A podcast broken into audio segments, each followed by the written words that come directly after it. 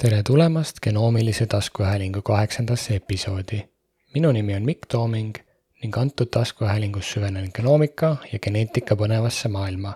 taskuhäälingus tuleb juttu viimastest läbimurretest DNA uuringute alal kui ka geenitehnoloogiat ümbritsevatest eetilistest küsimustest ning teadusuudistest.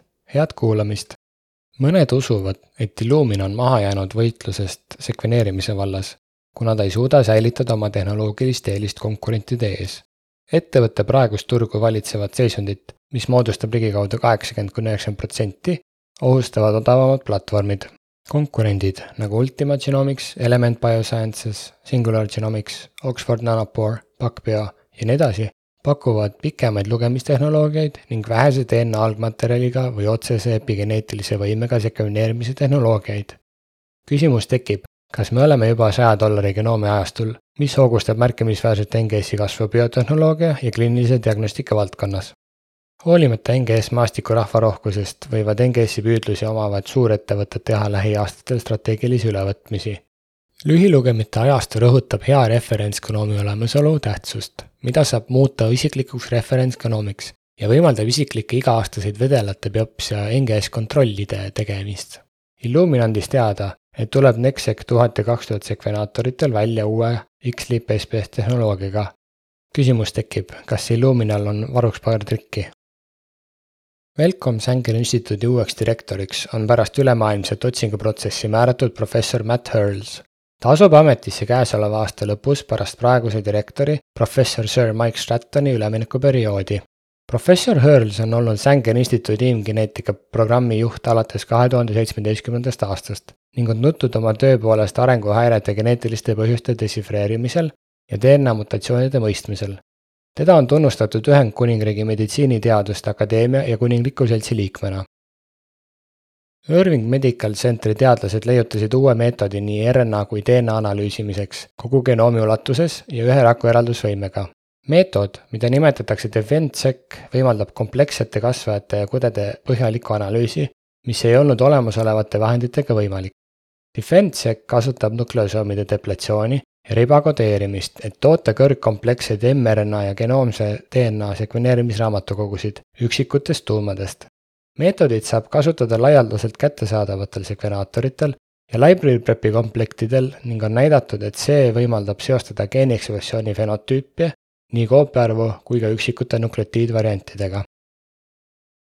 kahes suure mõjuga ajakirjas avaldatud vähigeneetikaalaste tööde analüüs näitas, et vigade esinemine avaldatud geenialastes uuringutes võib olla laiemalt levinud, kui varem arvati.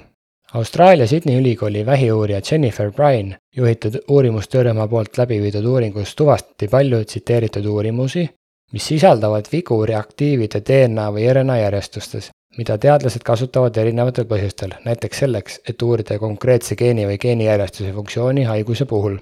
Need vead võivad mõjutada uuringute reprodutseeritavust ja nende mõju ulatus paberite järeldustele on teadlaste seas vaieldav.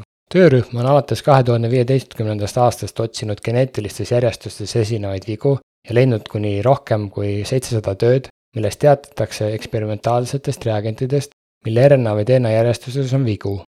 viimases uuringus keskendusid teadlased kahes ajakirjas Molecular Cancer ja Oncogene avaldatud vähigeneetikat käsitlevatele töödele ja leidsid, et kuus tuhat kuussada nelikümmend seitse analüüsitud nukleotiidjärjestust olid vead kolme koma kaheksa protsendil. mõne sellise vea iseloomu tõttu kahtlustasid teadlased väärkäitumist, hoolimata sellest, et mõned vead võivad olla tahtmatud, on nende vigade esinemine avaldatud kirjanduses Euroopa Molekulaarbioloogia Organisatsiooni teaduspublikatsioonide juhi Bernd Pulveri sõnul probleemiks. Briani meeskonna poolt märgistatud tööd olid väga palju tsiteeritud, kokku üle üheksa tuhande tsiteeringu. sõltumata vigade päritolust tekitab nende esinemine avaldatud kirjanduses muret uuringute usaldusväärsuse pärast. ruumibioloogia koekomponentide lokaliseerimise uurimine raku ja molekulaarsel tasandil on prognooside kohaselt kujunemas hommika olulisemaks valdkonnaks.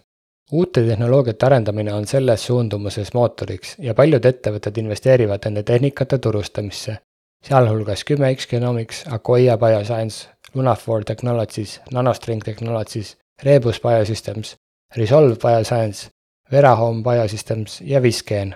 teadlased usuvad, et ruumilise bioloogia potentsiaal on tohutu, eriti organisatsiooni mõistmisel ühe raku tasandil. siiski on ruumilise bioloogia valdkonnas ka mõned väljakutsed. üleminek tavapäraselt antikehade märgistamise meetodilt ruumilise oomikale on seotud suuremate kuludega, mis võib takistada selle kasutuselevõttu. lisaks, kuigi paljud ettevõtted keskenduvad ruumilise bioloogia kommertsialiseerimisele, on mõned teadlased, näiteks Wei Chen Harvardi ülikoolist arendanud välja oma ruumilised tehnoloogiad ja ei ole nii keskendunud sellele, mida ettevõtted pakuvad. ruumiline bioloogia võimaldab mõista konteksti, milles rakutüübid koos seisuvad, mis on võimsam kui üksikute rakkude analüüs üksikraku analüüs on olnud kasulik raku oleku muutuste avastamiseks ja fenotüüpide ühendamiseks geenidega, kuid ruumiline bioloogia võib selle järgmisele tasemele viia. iseloomustades rakkude vastastikmõju ja parandades meie arusaamist rakkude vahelistest suhtlustest geenide tasandil. Kokkuvõttes on ruumiline bioloogia kiiresti kasvav valdkond, millel on palju potentsiaali ja uusi arenguid. artikkel avaldati ajakirjas Nature Methods. ruumibioloogiat peetakse väikeseks segmendiks laiemas biotööstusturul, kuid turuhinnangute kohaselt kasvab see igal aastal ligikaudu kümme protsenti. Nature'i toimetajad on tunnistanud ruumilist lahutatud transkriptoomika tehnoloogiat aastameetodiks kaks tuhat kakskümmend ning seda rakendavad sellised konsortsiumid nagu Human Cell Atlas, Brain Initiative Cell Census Network. Neid tehnoloogiaid kasutatakse keerukate kudede, näiteks inimese aju täielike kaartide kaostamiseks. valdkonna spetsialistide sõnul seisneb ruumilise bioloogia tähtsus uutes avastustes, mis on selle tehnoloogiate abil võimalikuks saanud näiteks saab ruumilise bioloogia abil määrata kindlaks immuunrakkude asukoha seoses kasvajarakkude või nakatunud rakkudega. Visgen on üks neist ettevõtetest, mis on antud Jenny poolt esmakordselt koostatud ruumilise bioloogia top kümme A-listi. Teised loetletud ettevõtted on Akoya Bioscience, Fluidigm, Nanostring Technologies. Need ettevõtted on järjestatud nende kahe tuhande kahekümne esimese aasta tulude või kogutud kapitali alusel Akoya Bioscience The Spatial Biology Company läks kahe tuhande kahekümne esimese aasta aprillis börsile ja on sellest ajast alates ühendanud jõud teiste ettevõtetega uute ruumibioloogiliste rakenduste arendamiseks. Akoya on teinud koostööd ka AstraZenecaga, et edendada uusi multiplekseid immuunfluoressentsi töövooge ja ruumilisi biomarker signatuure. märtsis kahe tuhande kahekümne teisel aastal teatas Akoya, et tema tulud kasvasid aastas kakskümmend üheksa protsenti, viiekümne nelja koma üheksa miljoni dollarini kuigi netokahjum kasvas rohkem kui kahekordseks, neljakümne kahe koma üheksa miljoni dollarini, võrreldes kuueteist koma seitsme miljoni dollariga kahe tuhande kahekümnendal aastal. Fluidigm, teine ruumilise bioloogia top kümme listi kuuluv ettevõte, on heaks kiitnud kahesaja viiekümne miljoni dollari suuruse kapitalisüsti investoritelt Castin Capital ja Viking Global Investors. see investeering peaks aitama tuvastada ettevõtte kasvu ja kuluvõimalusi.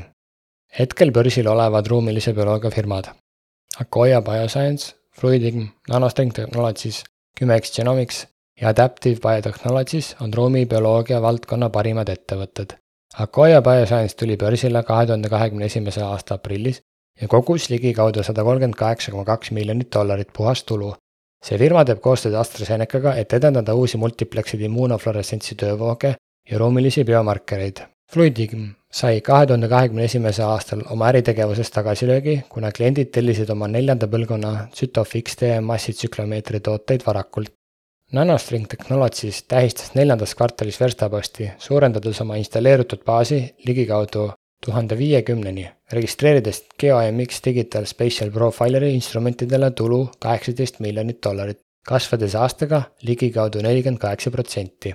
kümme X Genomics säilitas oma tugeva kasvutempo kasvades aastaga kuuskümmend neli protsenti tuludest ligikaudu nelisada üheksakümmend miljonit dollarini ja puhaskahjum vähenes viiekümne kaheksa tuhande miljoni dollarini. Adaptive Biotechnologies kahe tuhande kahekümne esimese aasta tulu oli kakssada seitsekümmend miljonit dollarit, mis on nelikümmend üks protsenti rohkem kui aasta varem.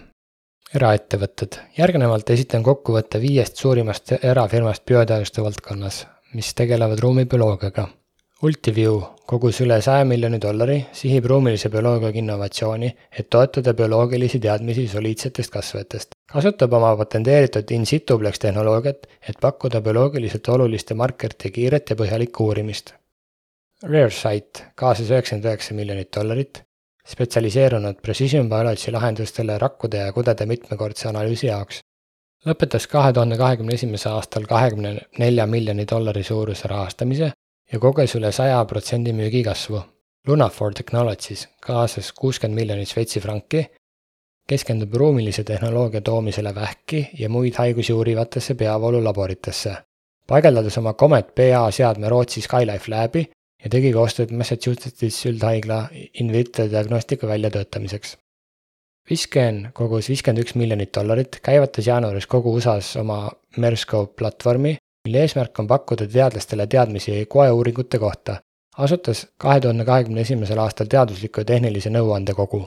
Nuclei kogus peaaegu viiskümmend miljonit dollarit lõpetas kolmkümmend kolm miljonit dollari suuruse B-seeria rahastamisvooru. Neil on kavas kasutada uut rahastamist oma platvormi edasiarendamiseks ja oma kaubandusliku jalajälje laiendamiseks biofarmaatsiatööstusettevõtetes.